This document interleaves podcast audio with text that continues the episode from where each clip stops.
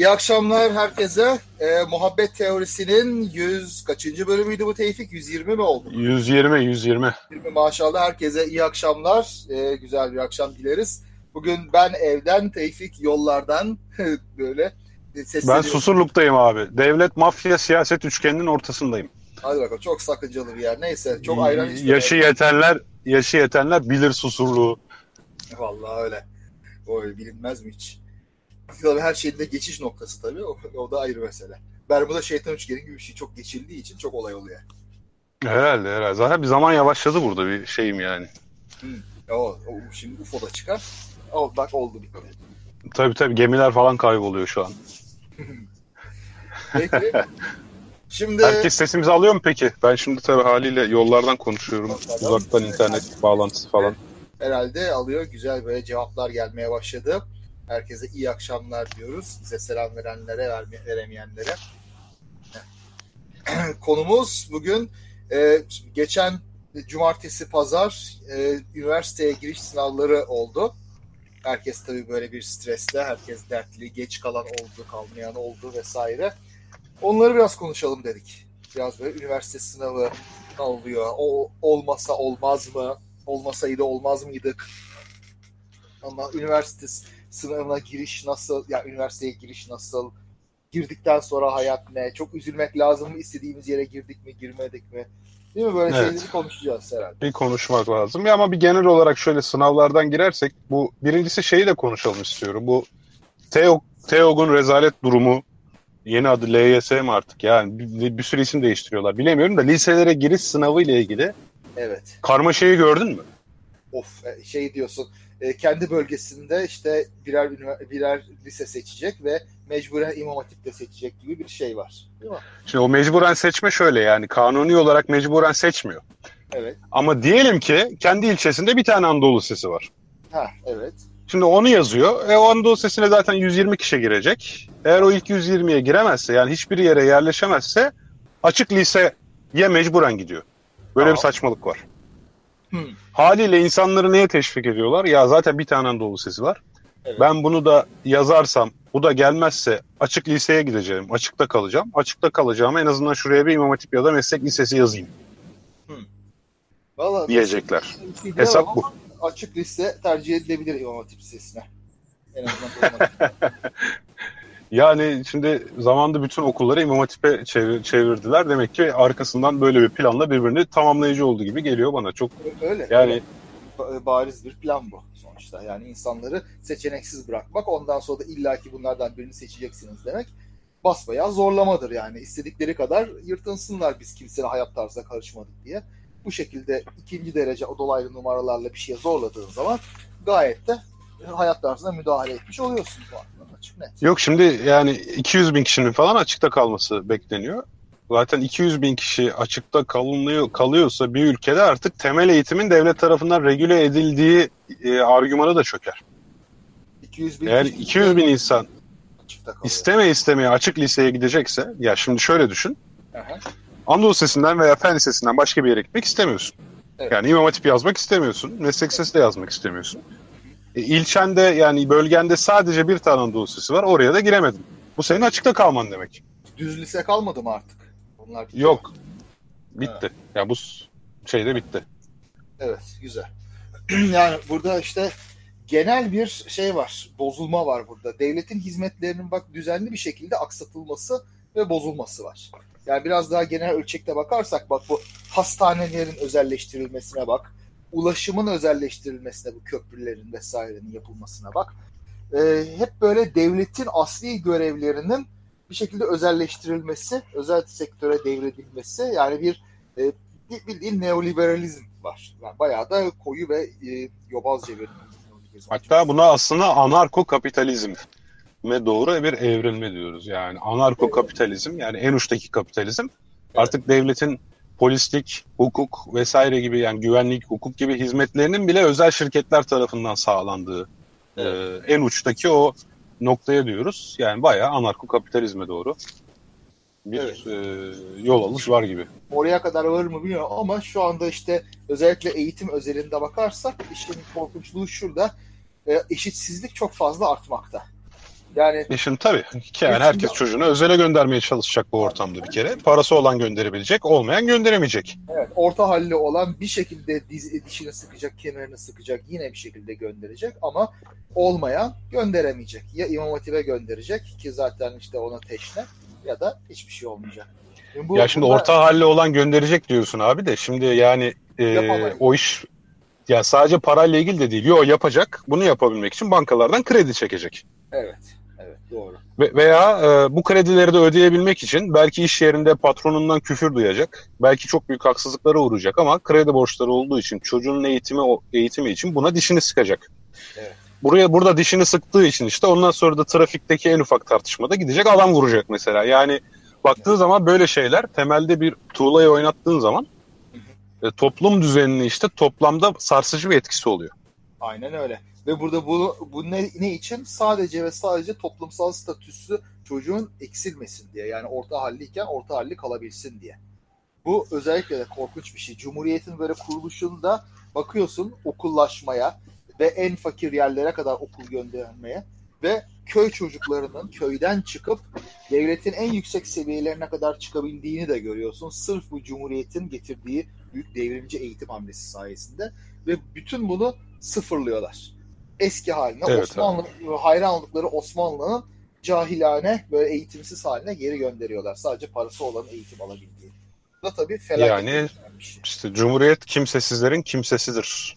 Aynen öyle. Bu gerçekten doğru bir cümleydi. Mesela çok güzel bir flute vardı Twitter'da. Kaybediyorum onu ara ara. Yani bu Twitter'da sık kullanılanlar atmayı unutuyorum da. Bu mesela Beşiktaş'tan Karaköy'e kadar kıyıda, Beşiktaş değil hatta, Ortaköy'den Karaköy'e kadar kıyıda böyle muazzam saraylar ya da eski e, işte şeylerden, gayrimüslimlerden kalma Evet. büyük yapılar, oteller falan var mesela. Evet. Cumhuriyet döneminde hepsi bir şekilde eğitime vakfedilmiş. Aynen. Aynen. Kabataş Erkek Lisesi olmuş, Galatasaray işte üniversitesi olmuş, ne bileyim Mimar Sinan Üniversitesi olmuş.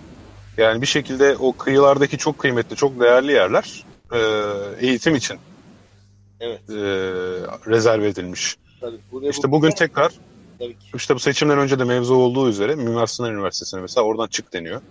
Bu Beşiktaş'ta bizim çay içtiğimiz yer vardı. Onun arkasındaki yere böyle Çinli bir otel devine verdiler. Shangri değil mi?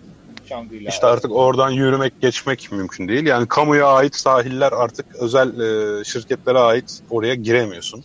Şunu da ekleyelim. Öyle. İstanbul Üniversitesi'ne ait olan botanik bahçesini de İstanbul Müftülüğü'ne devrediyorlar. O da Müftülük ne yapacak oraya? Müftülük de artık oradan bir yere verir herhalde. Amaç olur yani.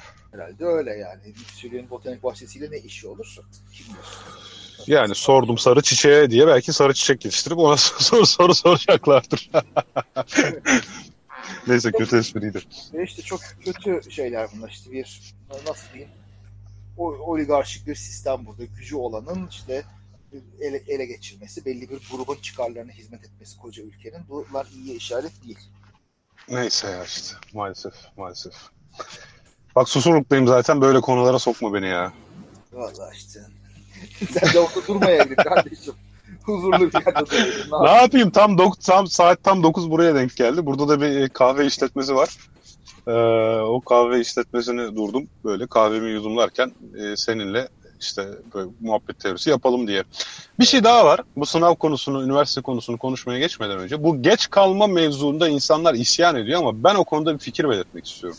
Buyur.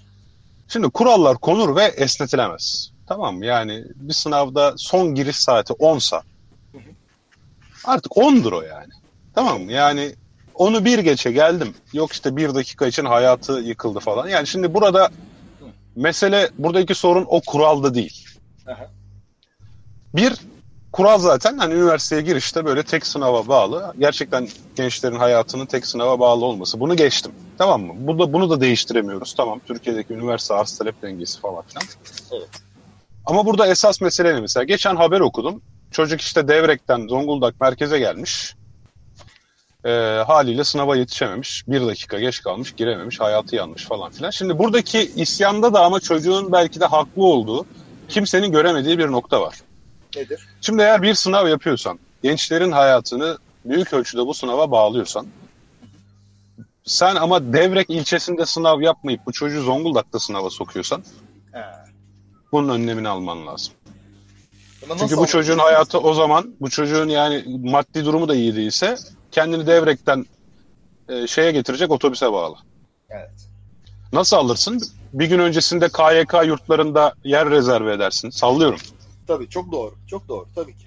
Bunu yapamıyorsan e, otel devlet olarak otellerle anlaşırsın Milli Eğitim Bakanlığı olarak. Tabii. Tamam mı? Otellere yerleştirme yaparsın.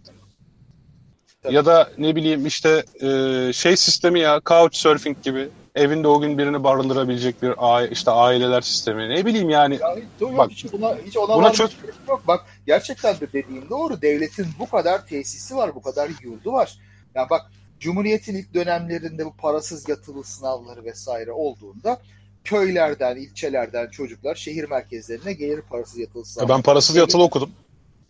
Ha güzel, ne güzel. Evet parasız yatılı okudum yani evet. Ha, Mesela orada sınava girdiğin zaman herhalde devlet sana sınava girerken bir yer gösterdi bu gece burada kal diye. Yani yok ben 3 ya 3 sene boyunca zaten devletin yatılı okulunda kaldım yani. Şeyde Ondan bahsetmiyorum. Yani bu parasız yatılı sınavları vardı. Sen bildiğin zamanda var mıydı hala bilmiyorum da. Vardı vardı DPY sınavları vardı evet. İşte mesela orada uzaktan gelen çocuklara kalacak yer veriyordu devlet eskiden. Böyle bir ince düşünce. Öyle mi? Evet. Yani ben tabii eski bizim dedelerin kuşağından bahsediyorum. Şimdi bir, belli bir incelik var burada tabii. Yani bu çocuk ne yapacak diye bir düşünme var. Şimdi e, gerçekten çok havasala bir düşünce hakim. Hiç umurunda değil kimsenin hiçbir şey. Olsun bitsin. Yani nasıl olacak, ne sorunlar çıkacak onda bir anlayış yok. Şimdi senin dediğine ben de bir ek yapmak istiyorum. Şimdi gerçekten de Tamam. başlama süresinde esneme olmaz. Çünkü bir dakika sonra içeri alacak olsan e, başlama süresi 10.01 olacak o zaman. 10.02'de gelende o zaman bir dakikayla kaçırmış olacak. Ve böyle böyle 10.30'a 11'e kadar da uzatabilirsin. Sonu yok. Gerçekten de sınır neyse o olmalı. Onda bir kaçar yok. Bununla beraber Evet. çok ilginçtir. Bu tür itirazları ben bu yıllarda çok fazla dillendirildiğini duyuyorum. Eski yıllarda çok duymazdık. Benim zamanımda da Belki sosyal medyanın etkisidir ya. başka bir hipotezim var benim ya. Şimdi, Nedir? e, şeyde toplumun genel bir yozlaşması var bak dikkat edersen. Hiçbir kurala uyulmuyor. Tam bir kaos hakim. Bir şey yapanın yanına kalıyor genellikle eğer arkası varsa veya gariban eziliyor gidiyor.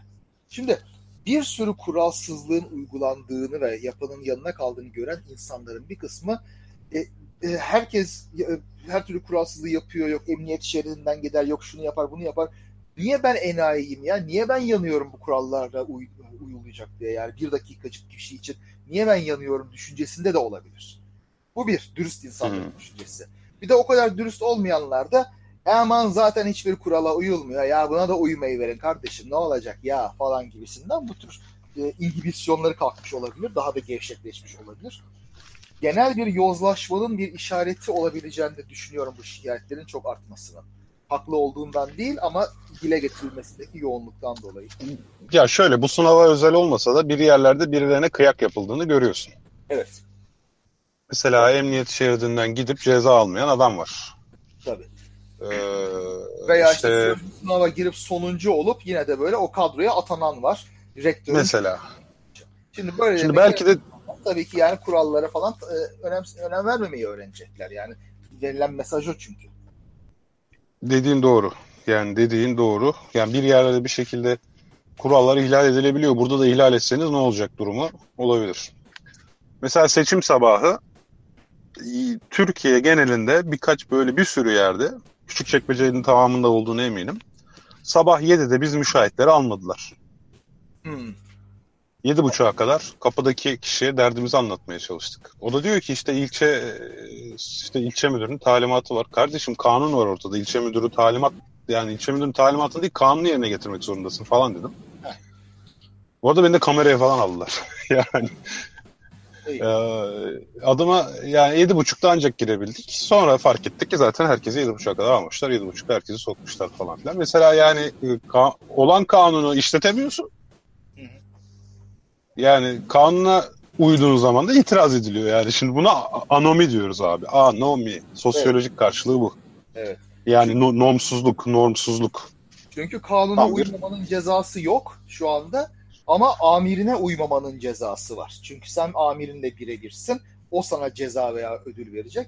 kanuna uymazsan mahkemeye çıksan da seni bir, bir şekilde kurtarır senin amirlerin eğer onların dediğini yapıyorsa. Böyle bir hukuksuzluğu bir sonuç. Of. Of Çok of fazla of. şey negatif olduk değil mi? Evet yani evet. Şimdi negatif olduk. Pozitife nasıl geçeceğiz? Pozitif düşünce de kazanır. Geçen ah, ah canım Ahmet geldi aklıma. Hatırlar mısın?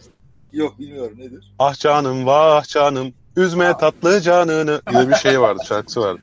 Ya. O şarkının içinde bir yerde pozitif düşünce de kazanır diyor. Tamam.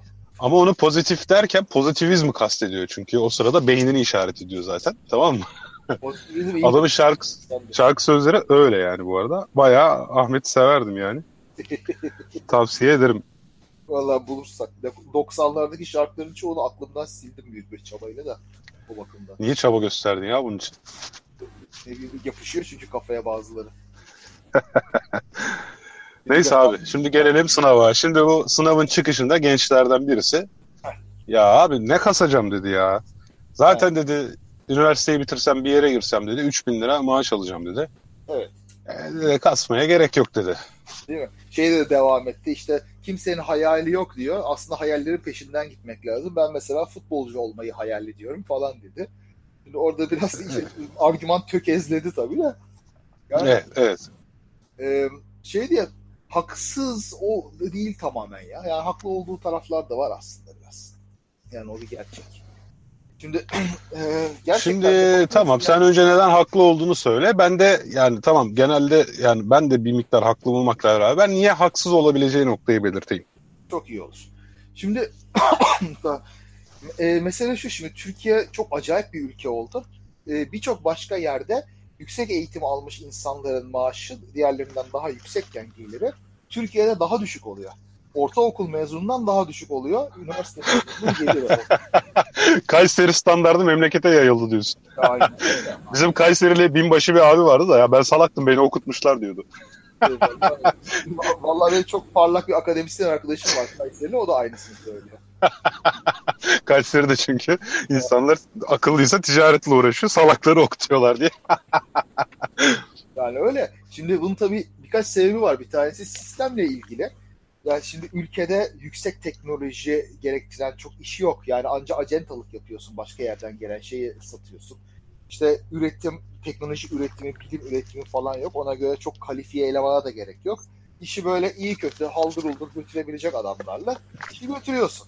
E o zaman da işte bir de tabii vizyon da olmayınca fazla böyle e, fabrikatörlerde, sanayicilerde falan Ha birini koyalım oraya mühendis işte imza yetkisi olsun falan da işi bitirmeye çalışıyorlar. Bu zaten çok dallı budaklı bir şey. Devletin de her şeyi boğması vesairesi gibi e, çok fazla ekonomi devlete bağlı olması bunun bir bir ama hadi onları geçelim. Bir de çok önemli bir şey tabii arzın çok fazla olması. Yani 180 tane üniversite çok büyük çoğunluğunun kalitesi çok düşük. Yani geri kalanlarının da böyle bölümden bölüme değişen böyle kaliteleri var. E Şimdi bunların her birine aha üniversite mezunu dediğin zaman kıymeti kalmıyor hiçbir şeyin. Çok Evet. fazla üniversite mezunu var ama çok önemli bir kısmı e, normal bir lise mezunu kadar bile işte fikir, görgü, beceri sahibi değil. Şimdi bunda bir faydası olmuyor tabii. Elinde sonunda bu iş bir pazar meselesi. Yani işe alacak olan adam da işine yarayacak olan adama bakıyor. Bu arada tabii işine yarayacak gerçekten nitelikli adam da yanıyor piyasa düşmüş olduğu için yani ya, maaşlar böyle kardeşim falan diyor mesela Boğaziçi İTÜ mezunu mühendise de. O yüzden de büyük sorunlar oluyor. Yani bir anda benim haklı bulduğum işte piyasanın yani emek piyasasının şu andaki halini gösteriyor. Bizim zamanımızda başlamıştı bu aslında yavaş yavaş. Ondan sonra daha da bariz oldu. Şimdi gençler biraz daha bu konuya uyanmış gibi görünüyor. Okuyacağım da ne olacak? Düşüncesi biraz daha hakim. Yani başka seçeneklere biraz bakmak lazım belki de. Şimdi galiba şimdi ben de şu işe şimdi şu açıdan bir itirazda bulunacağım. Okumak, üniversite okumak sadece para kazan yani edineceğin mesleğin para kazancıyla ölçüleceği bir şey değil. Elbette. Aynı zamanda bir sosyal statü sağlayıcısı. Üniversite mezunu olmak. Yani öyleydi. Öyleydi. Aha. Artı üniversite ortamının insana kattığı şeyler var. Yani gerçekten üniversite okuyan insanla okumayan insanlarda bazen bir bakışta hissettiğim şeyler var. Sonuçta hani bir sürü insan çalışıyor çalıştığım yönetici olduğum yerlerde. Ee, şeyi fark ediyorsun yani bir tartışmada dile getiriş biçiminden e, bir ortak çalışmayı beraber yapabilmeye kadar bazı farklar oluşabiliyor. Yani kişinin kendi yeteneğinin dışında.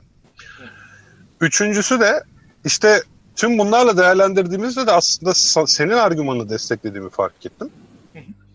Eskiden e, sen dedin ya üniversite başka ülkelerde üniversite mezunları daha yüksek para kazanır vesaire falan filan. Şimdi aynı zamanda bu sosyal statü durumu da galiba Türkiye'de zarar görmüş. Yani üniversite mezunu olduğun için, daha bilgili olduğun için bir sosyal statü sahibi olamıyorsun artık. Hatta bilgili olmaya karşı bir düşmanlık bile gelişmiş olabiliyor. Bilgili olmak da, alay konusu, dalga konusu olabiliyor. Onu geçtim. Çok hafif, yani dinleyicilerimden özür dileyerek söylüyorum. İki gün pezemek derler, üçüncü gün beyefendi derler denilen bir anlayış vardır. tamam mı? Çok doğru. Çok doğru. Veya işte iki gün namussuz derler ama üçüncü gün beyefendi derler falan. Yani bir şekilde bir iş yaptığın zaman o işin niteliğinden, kalitesinden, legal olup olmamasından bağımsız olarak sonuççu ahlak. Sonucunda sen o işten para kazanıp bir zenginliğe erişmiş misin, erişmemiş misin? Sadece buna bakılan bir kültüre evrildik.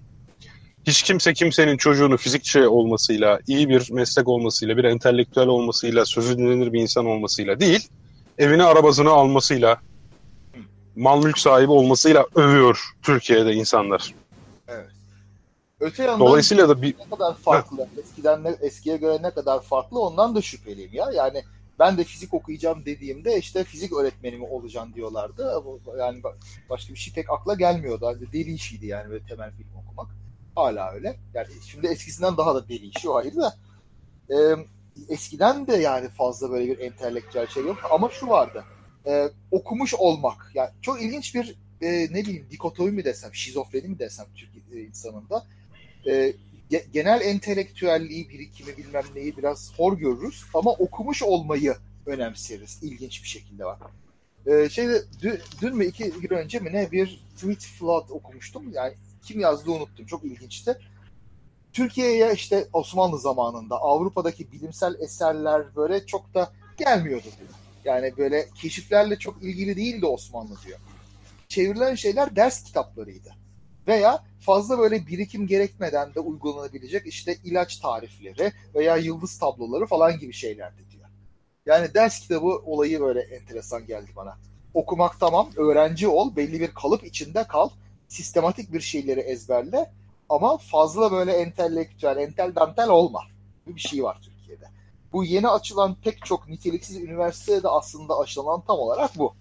Yani veriliyor bir şeyler, ezberletiliyor. iyi kötü ne varsa. Ondan sonra oradan çıktın, aa diploma aldın, tamam oldu bitti. Yani derinlemesine bir eğitim verme meraklısı yer çok çok az. O da ancak böyle kişisel çabalarıyla oluyor zaten hocaların varsa. Ya zaten şimdi Türkiye'de olmadığını düşünüyorum. Ya Türkiye'de üniversite meslek kazandırma kuruluşu olarak görülüyor. İSMEK bile, İSMEK var ya İstanbul meslek evet. edindirme kursları.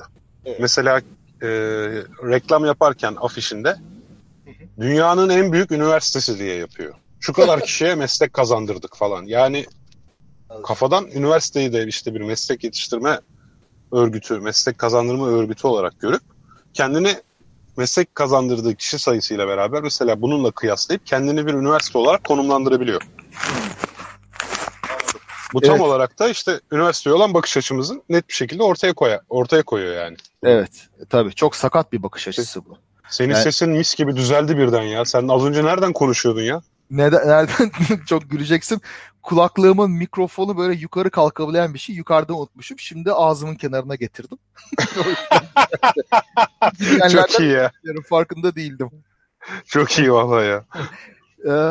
Şimdi evet yani şimdi bazı şeyler de var. Şimdi bu üniversitenin değişik aşamaları var. Şimdi üçüncü nesil üniversite diye bir şey çıkmıştı 10-15 sene önce belki de 20 sene neyse.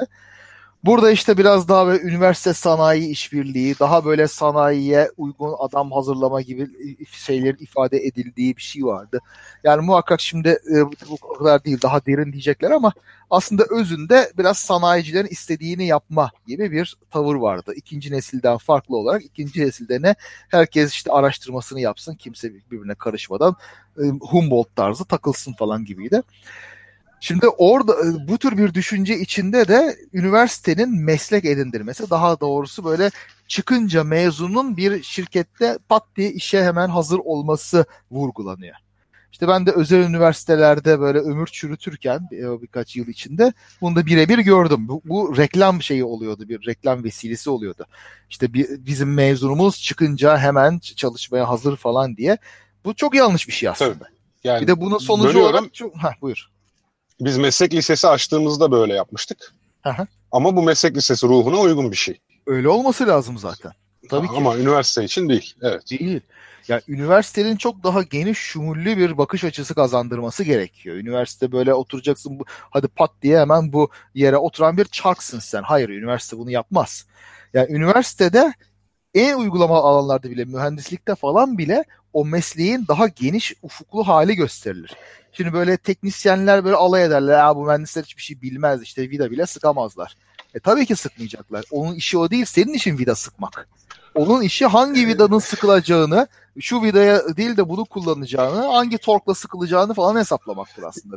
Şimdi yok. Burada biraz sana itiraz edeceğim. Bir uçak mühendisi olarak söylediğin örneğe çok uygunum çünkü. Tamam. Ee, o değil ya. Yani mühendisin biraz uygulama alanını bilmesi gerekiyor. Yoksa ondan sonra mühendis bir tane işte bir şey tasarlıyor. Teknisyenin kolu yetişmiyor içeriye. Ha. Yani o, evet. o mühendise sen o vidayı sıktırmazsan tamam mı? Tamam. O mü, mü, vidayı sıkmayı bilmeyen mühendis gidiyor öyle salak saçma bir tasarım yapıyor yani. Tamam. E, doğru, doğru. Haklısın. Yani, yani uygulama alanlarda haklısın. O var. Ama ondan ibaret olmamalı diyelim o zaman. Bu yani bunu e, tabii yok geçmeli. Ya evet bir şekilde bunu dengelemen lazım. Adama ya yani mühendise 3 sene mutlaka teorik derslerin ve işte hani mühendislikle alakalı derslerin yanı, yanı sıra mutlaka bir sene sahada iyi bir pratik vermek gerekiyor.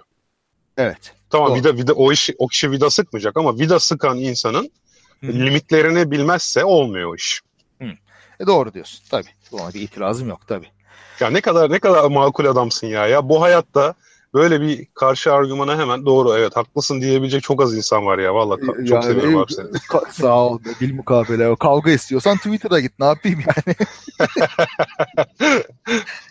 yani şey var işte daha böyle dediğin kadar uygulamalı olmayan alanlarda da çok fazla böyle kolay iş bulmayı vurgulamak e, talar e, bazı üniversite yöneticileri falan da o da çok yanlış bulduğum bir şey. Yani iş bulmayı vurgulamak doğru olmamalı. Tamam o faktörlerden biri olabilir ama başka evet. şeyler öne çıkmalı hep. O biraz daha zaten endüstri devriminin yani gerçekten 150 yıl öncenin yansıması.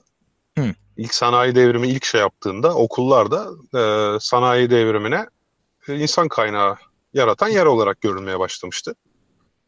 Ee, Orası öyle ama onun üniversite biraz, o... değildi de lise seviyesi biraz öyleydi ya. Çünkü oradaki iş gücü çok ihtiyaç duyulan iş gücü çok kalifiye değildi.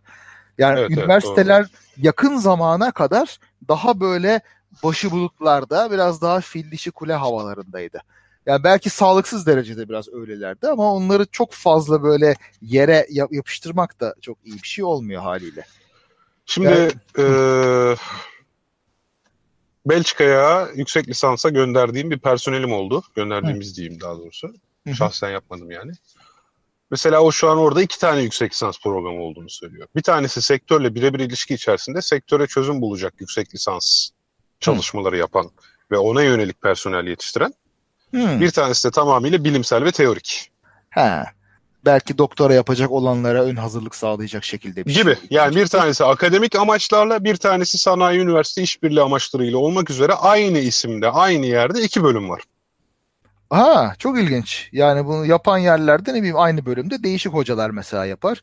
Veya bir hocanın bir projesi. Ha, yok hocalar değişiyor. Tabii tabii. Derse girenler mesela bir tanesinde akademisyenlerken bir tanesinde genelde sektörden deneyimli adamlar. Ha, onu bu çok ayrıştırmışlar. Yani bilmiyorum ne kadar doğru bu kadar ayrıştırmak ama yani e, şunu demek istiyorum. Ya belki ben detayları almamışımdır. Yüzde elli böyledir, yüzde elli ortaktır. Yani hani yani o detay kısmını bilmiyorum.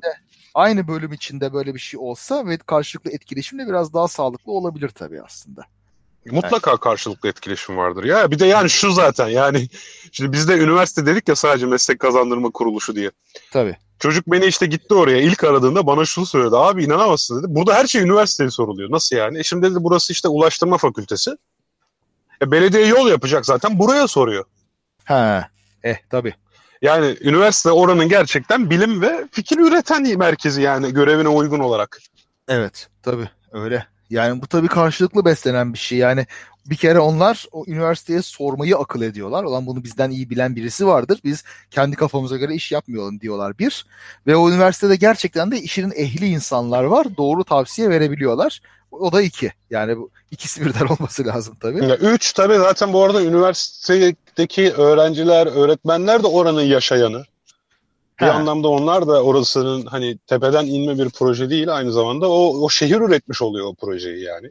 E, öyle. İşte bir şekilde millet yapıyor biz konuşuyoruz yani. Biraz öyle evet. Bu arada sen ben şey dinleyici olmanı hiç göremiyorum cepten bağlandığım için. Tamam. Ee, Arada oraya da bir Ee, şeyle güzel dinliyorlar sağ olsunlar selamlar var. Şimdi şimdi güzel bir yorum olarak mesela dinleyicimiz Mustafa Yılmaz bizdeki annelerimizin ve babalarımızın iş algısı, eğitim sistemi, politikacılar ve diğer tüm sosyoekonomik oyuncuların hepsi çocuklarımıza şunu aşılıyor. Oku ki maaşlı ve sigortalı bir işe giresin. Çocuklar da hep bu şeyle eğitimle indoktrine olmuşlar. O yüzden de e, başarı eşittir para kazanmak oluyor mealen böyle söylüyor Mustafa Bey. E, doğru yani başarı böyle ne bileyim e, bu konuda çok böyle bilgi sahibi olmuş falanla ölçülmüyor. Parayla ölçülüyor yani. Öyle bir sorunumuz var. Para kazanmak ama yani başarı değil kendi başına. Para kazanmadan da başarılı olunur. Para kazanıp başarılı olunmayabilir. evet o da o da var. Aynen. Yani Yani amacın para kazanmaksa bu arada para kazanınca başarılı olursun tabii. Esas amaç birinci amaç oysa yani. tabii o ne Şimdi kadar- burada ben Çetin Altan'ın Çetin Altan'ın bir argümanını dile getirmek istiyorum. Hı hı. Çetin Altan rahmetli e, bu arada çok sonradan keşfettim kendisini. Yani Hı. çok iyi bir romancı. İnsanlar Hı. oyununu hiç bilmez. Hı. Yaşar, Yaşar Kemal'in şey dediği söylenir ki ben de e, bir, hani az çok edebiyat seven biri olarak katılıyorum. Ya ilk Çetin Altan romancılığı bıraktı yoksa boku yerdik demiş Yaşar Kemal. o derece yani. Vay canına. Oo. Evet, şimdi e, Yaşar Kemal, şey Çetin Altan der ki Türkiye'deki birinci problemlerden bir tanesi mesleksizlik. Hı. Hatta ben de Twitter'da küçük bir araştırma şey e, Twitter'da küçük bir araştırma yapmıştım. Kendi web sitemde var. E, şu an Kübra linkleri paylaşır belki. Hı hı. İnsanlara ben her şeyden önce nokta noktayım diyerek bir soru sorup Hı. insanların yüzde kaçının bunu mesleğiyle yanıtlayacağını ölçmüştüm. Hı. Çok merak ettim. İnsanların mesleği aklına kaçıncı sırada geliyor? Kendi kimliğini ifade ederken. Hı. Şimdi Çetin Altan'a göre bizim mesleksizlik sorunumuz var. Yani şu, Hı hı. biz işiyle sahip olduğu bilgi birikimi hani bunu hayata geçirmesi ve bu hayattaki rolümüzle tanımlamıyoruz işte kendimizi. Hmm, niye tanımlayalım? Ben şimdi onu düşünüyorum. Niye kendimizi işimizde tanımlayalım ki?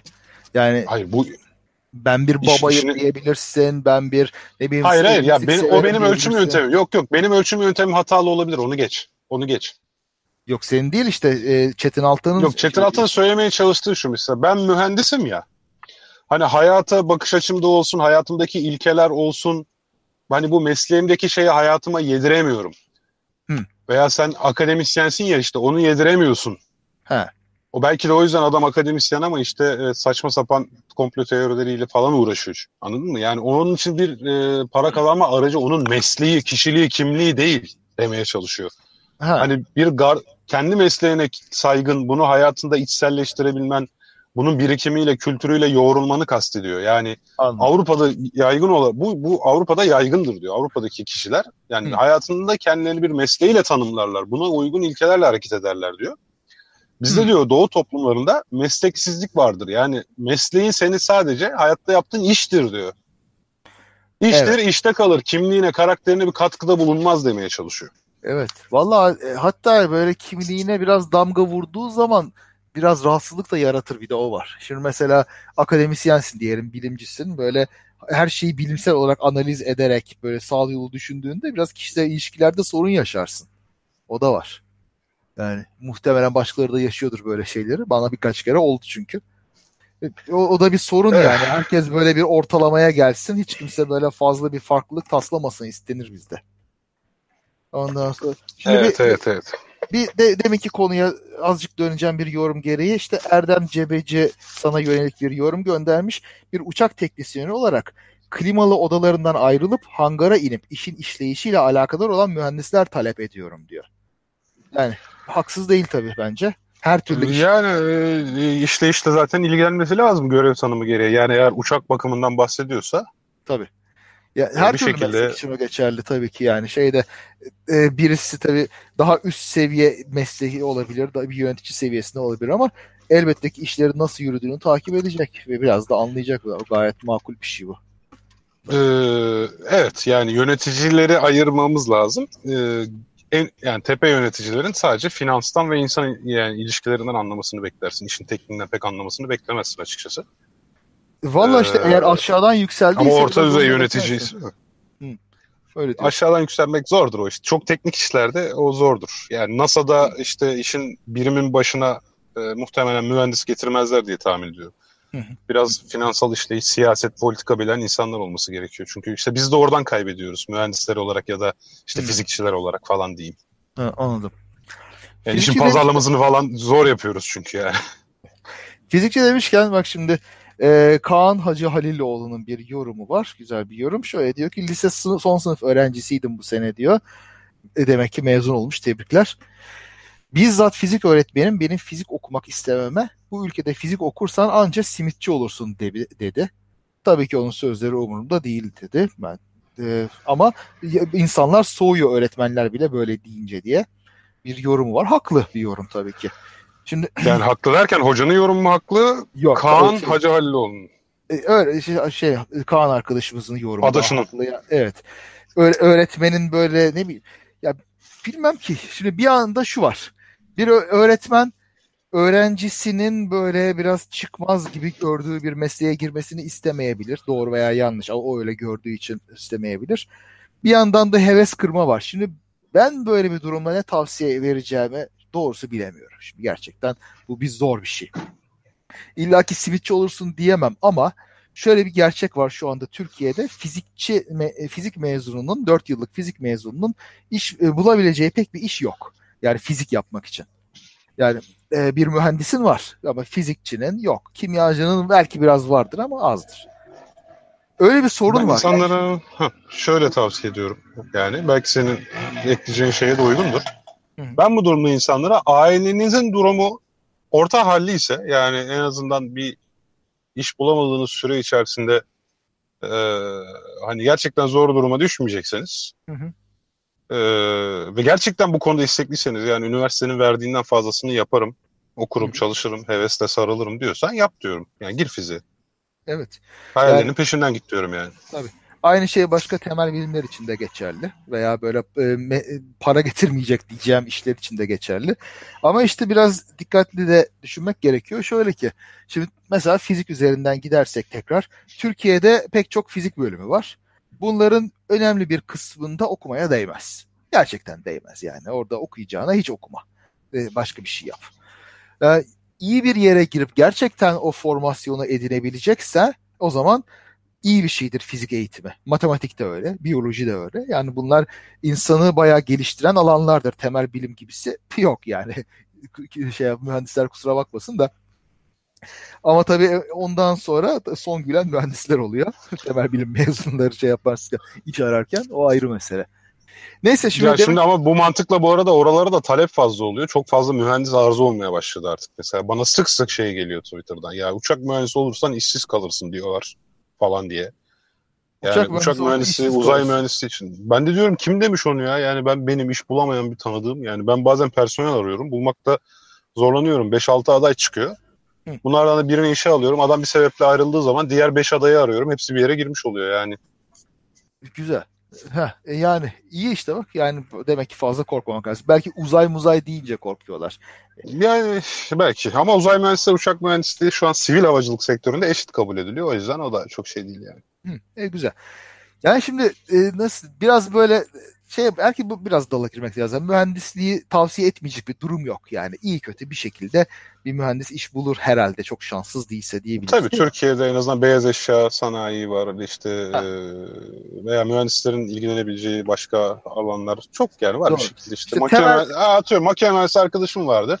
Tabii. Soba fabrikasında çalıştı. Sonra bir ara spor aletleri üretim merkezi var Eskişehir'de bir tane spor aleti üreten bir fabrika var. Orada çalıştı. Daha sonra işte Bosch Siemens'e geçti. Şimdi Arçelik'e geçti. Bir şekilde devam ediyor yani. Mutlaka Evet. bir alan buluyor ayrıldığı zaman.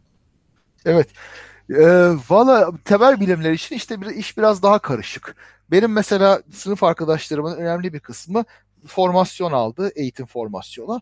Öğretmenlik falan yapmaya başladı bir kısmı. İşte geri kalanların bir kısmı doktora yaptı. Yani çoğu doktora yaptı. Bunların bir kısmı kadro buldu, bir kısmı bulamadı. Şimdi o da ayrı bir mesele. Akademisyen olmak dünyada da Türkiye'de de çok zor bir şey.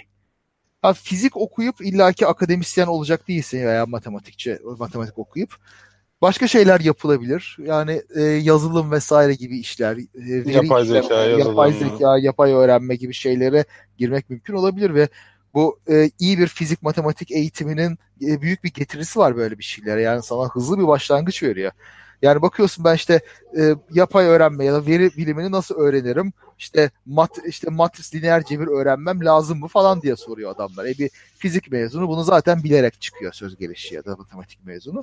Bu sana ileri atılma avantajı veriyor. Böyle bir güzelliği var işlerin. Evet, sanki fizik, matematik mezunları diğer bölümlerde yüksek lisans ve doktora yapmaya daha kolay geçiş yapabiliyor gibi geliyor bana. Yani e, geçtikleri zaman işin temelini çok iyi anlayıp üzerine biraz pratiğini koyuyorlar hatta hızlı adapte oluyorlar.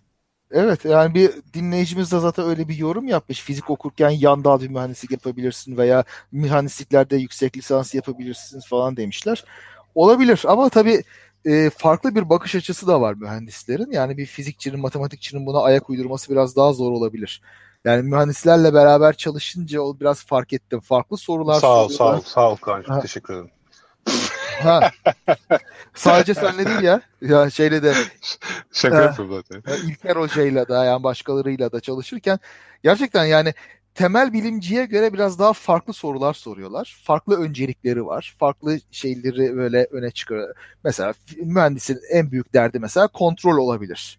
Veya bir e, optimizasyon olabilir.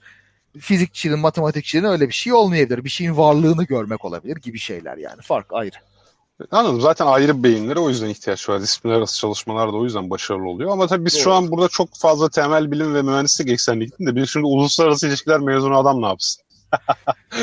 Yazık Bilmem ki. yani. Va- Vallahi hiç onlara verebilecek bir tavsiye. Ve bir de yani zibil gibi işletmeci yetiştiriyorlar tamam mı? Zibil gibi. Evet. Evet.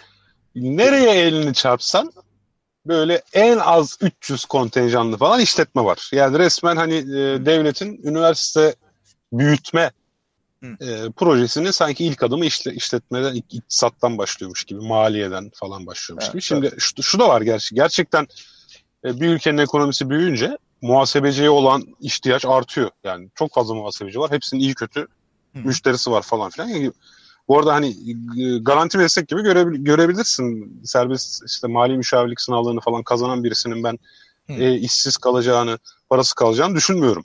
Evet. Ama mesela bir uluslararası ilişkiler mezunu için mesela durum çok karanlık ya ve biz, eskiden eşit ağırlık vardı bilirsin.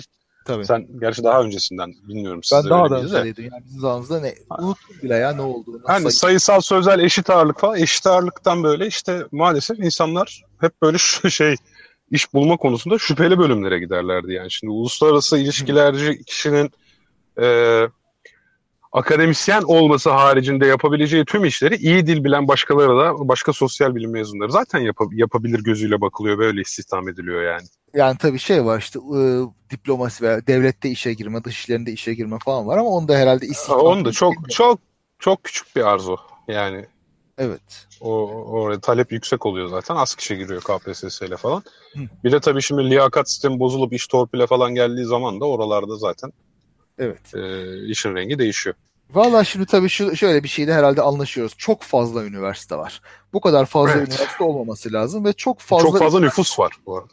çok fazla Ya onun da üniversite sebebi ne bu arada? okuyan var. Çok okuyan var. Yani bu kadar insanın üniversite okumasına bence gerek yok ve bunların önemli bir kısmı aslında üniversite okumaması gereken insanlar. Yani ne yaptın ya dur okumaması gereken derken? Ya gerçekten öyle. Şimdi üniversite sınavı sonuçlarına baktığın zaman işte ne bileyim 80 matematikten ortalama 15 yapılmış tamam mı? Yani bunların bir kısmı işte bu kadar fazla üniversite olunca ve hepsini bir yerlere sokalım falan diyorlar. E, 80'de 15-20 matematik yapmış. Ne bileyim e, 30'da 5 fizik yapmış falan yani bunların üniversite okumak. Bu kişi gidiyor fizik değil.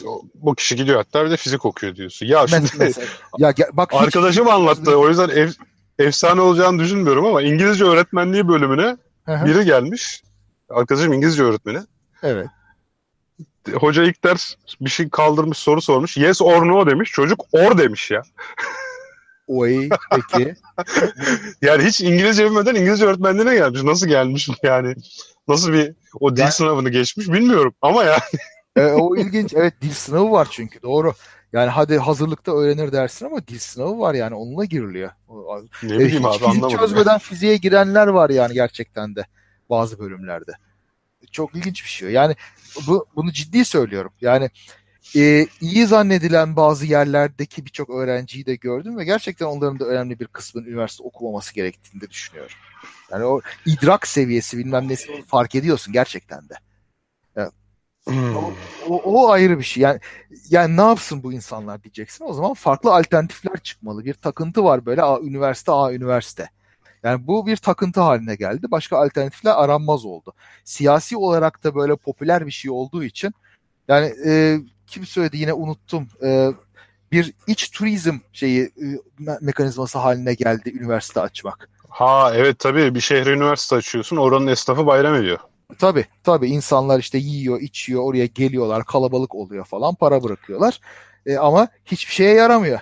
Yani oradaki üniversite gelen hocaların da çoğu aslında dünyayı görmemiş. Yani birçok üniversitenin kadrosuna bakıyorsun bulunduğu şehirden çıkmamış. Komşu şehirden en fazla gelmiş oraya. Hiç Avrupa'ya, Amerika'ya, şuraya, buraya başka kurumlara gitmemiş yani bunların vereceği pek bir bilgi olamıyor öğrencilere. Yani. Ya şimdi illa Amerika'ya gitmesine gerek yok tabii de. Avrupa'ya yani... da gitmemiş, Çin'e de gitmemiş, Japonya'ya da gitmemiş yani orada. Abi yani... tamam da illa yurt dışına gitmeyi bir akademisyenlik kriteri haline getiremeyiz bence de. Ya getiremeyiz yani... tabii. Şimdi orada şimdi ama demek istediğim şu. Herhangi bir şekilde bir dünyayla fazla bir bağlantısı yok. Sen şeye bir konferansa bile gitmemişsin falanı kastediyorsun değil mi? Yani bir yerde çalışmayı değil çalışmayı kastediyorum canım. Yani böyle bir kuruma, Abi. gidip orada bir süre vakit geçirmek. O ayrı bir şeyi görmek lazım. Çünkü ya gerçekten benim bahsettiğim yerler böyle 15-20 yıllık geçmişi olan taşra üniversiteleri. Orada herhangi bir akademik e, birikimi zaten yok oranın hocasına ne versin.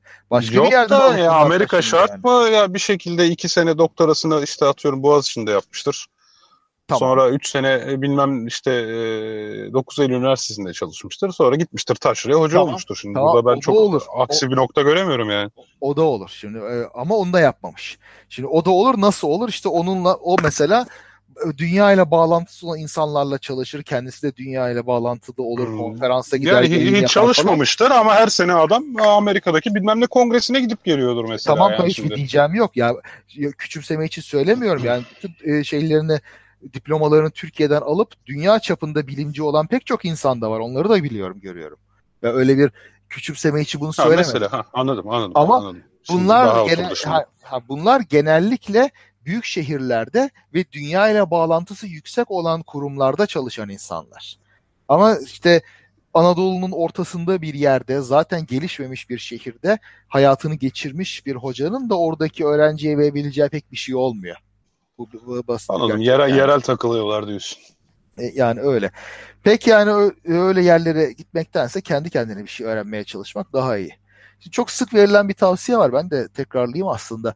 En önemli şey dil öğrenmek ve İngilizce öğrenmek yani bu açık net. Evet o gerçek. Yani ben çok lisesini, üniversitesini Oktay Senanoğlu'cu olarak geçirmiş bir insanım. Dil konusunda hassasiyetim çok yüksek ama Geçmiş yani olsun. şunu söyleyeyim. Ee, yok be yani sonuçta bana kültürel olarak bir bilinç kazandırdı ama yani e, kesinlikle ve kesinlikle yabancı dili öğrenmeden, çok iyi öğrenmeden dünyayı takip etmek imkansız. Bu Oktay Sinanoğlu da söyler bu arada ayrı mesele de. Tabii. Yani şimdi Yani işte bak demin söylediğim gibi akademisyen müsveddeleri işte niye İngilizce yazalım, niye böyle bilimsel şeylerimizi yabancılara verelim falan gibi saçmalıyorlar. yok canım sen de Aslında onlar sana niye veriyor? İngilizce öğrenirsen hepsi sana vermiş oluyor o zaman. Abi, ne Aynen alakası var? öyle. Yani aslında yaptıkları Yani. tamamen tembelliklerine kılıf uydurmak başka bir şey Tabii değil. tabii canım. Oynamayı bilmeyen gelin yerim dar dermiş tam işte. Tam yani. Onun için işte yapacağımız en önemli şey dil öğrenmek. Bu dil öğrendik mi YouTube'dan ders de takip ederiz. İnternetten kitap da okuruz. Bir şeyler de yaparız yani. Muhakkak kendi kendine öğrenmek için büyük Abi bir tabii ben ço- çoğu alanda kendi kendimi yani f- formal bir eğitim almadan kendimi yetiştirdim. Akademik yayın da yaptım hatta yani. Tabii. Bir Tabii. şekilde işte şu anda senin verdiğin kaynaklarla e, makine öğrenmesi kasıyorum yani. Yani İnternetten bakarak şey yaparak. Bu devirde başka çare yok. Yani e, şeyin eğitim sistemimiz mahvedildi. Şu anda yozlaştırıldı ciddi olarak. E, Daha da kötüye gitmesi ihtimali var. E ne yapacağız? Kendi kendimizi kurtaracağız. Bunun da ilk adımı iyi dil öğrenmek. Yani üşengeçlikle veya tembellikle bu olmaz. o yüzden evet. şunu da bir eklemek lazım. Şimdi e, birçok üniversite kötü diyoruz. Hatta beklemediğimiz üniversiteler de bayağı kötü. Şimdi içinde olmayan çok bilmez. Çok böyle büyük azman, uu, çok ismi olan üniversiteler vardır. İçine girdiğinde bunların hocalarında hiçbir numara yoktur. Ama ilginç bir şekilde bu okulların mezunu olan insanlar çok parlak, çok zeki olabiliyor oluyorlar. Çok başarılı oluyorlar. Niye? Çünkü işte mesela yüksek puanla girmişler oraya bir çalışma disiplinleri var ve hocalarından çok fazla zarar görmeden mezun olabilirlerse aynı başarıyı çalışma disiplini devam ettiriyorlar. Güzel oluyor işte. Orada biraz kendi kendine öğrenme var. Kendi akranlarınla çalışma gibi şeyler var. O seni geliştiriyor. Nihayetinde sen kendini ne yaparsan yapıyorsun. Çok iyi bir okula girip tın tın olmak da mümkün. Çok, çok kötü bir okula girip kendini ondan sonra oradan sıyırmak ve çok yükseklere çıkmak da mümkün. Ya zaten sonuçta aynı mı aynı okulun aynı döneminde aynı bölümden mezun insanlar arasında da ciddi farklar oluşuyor demek ki okul bir yere kadar. E, tabii, Yani. tabii ki. Her şey kişisel Şimdi- çabaya gelip dayanıyor. Kapatmadan önce 5 dakika içinde kapatırız. Ben de yola devam edeyim.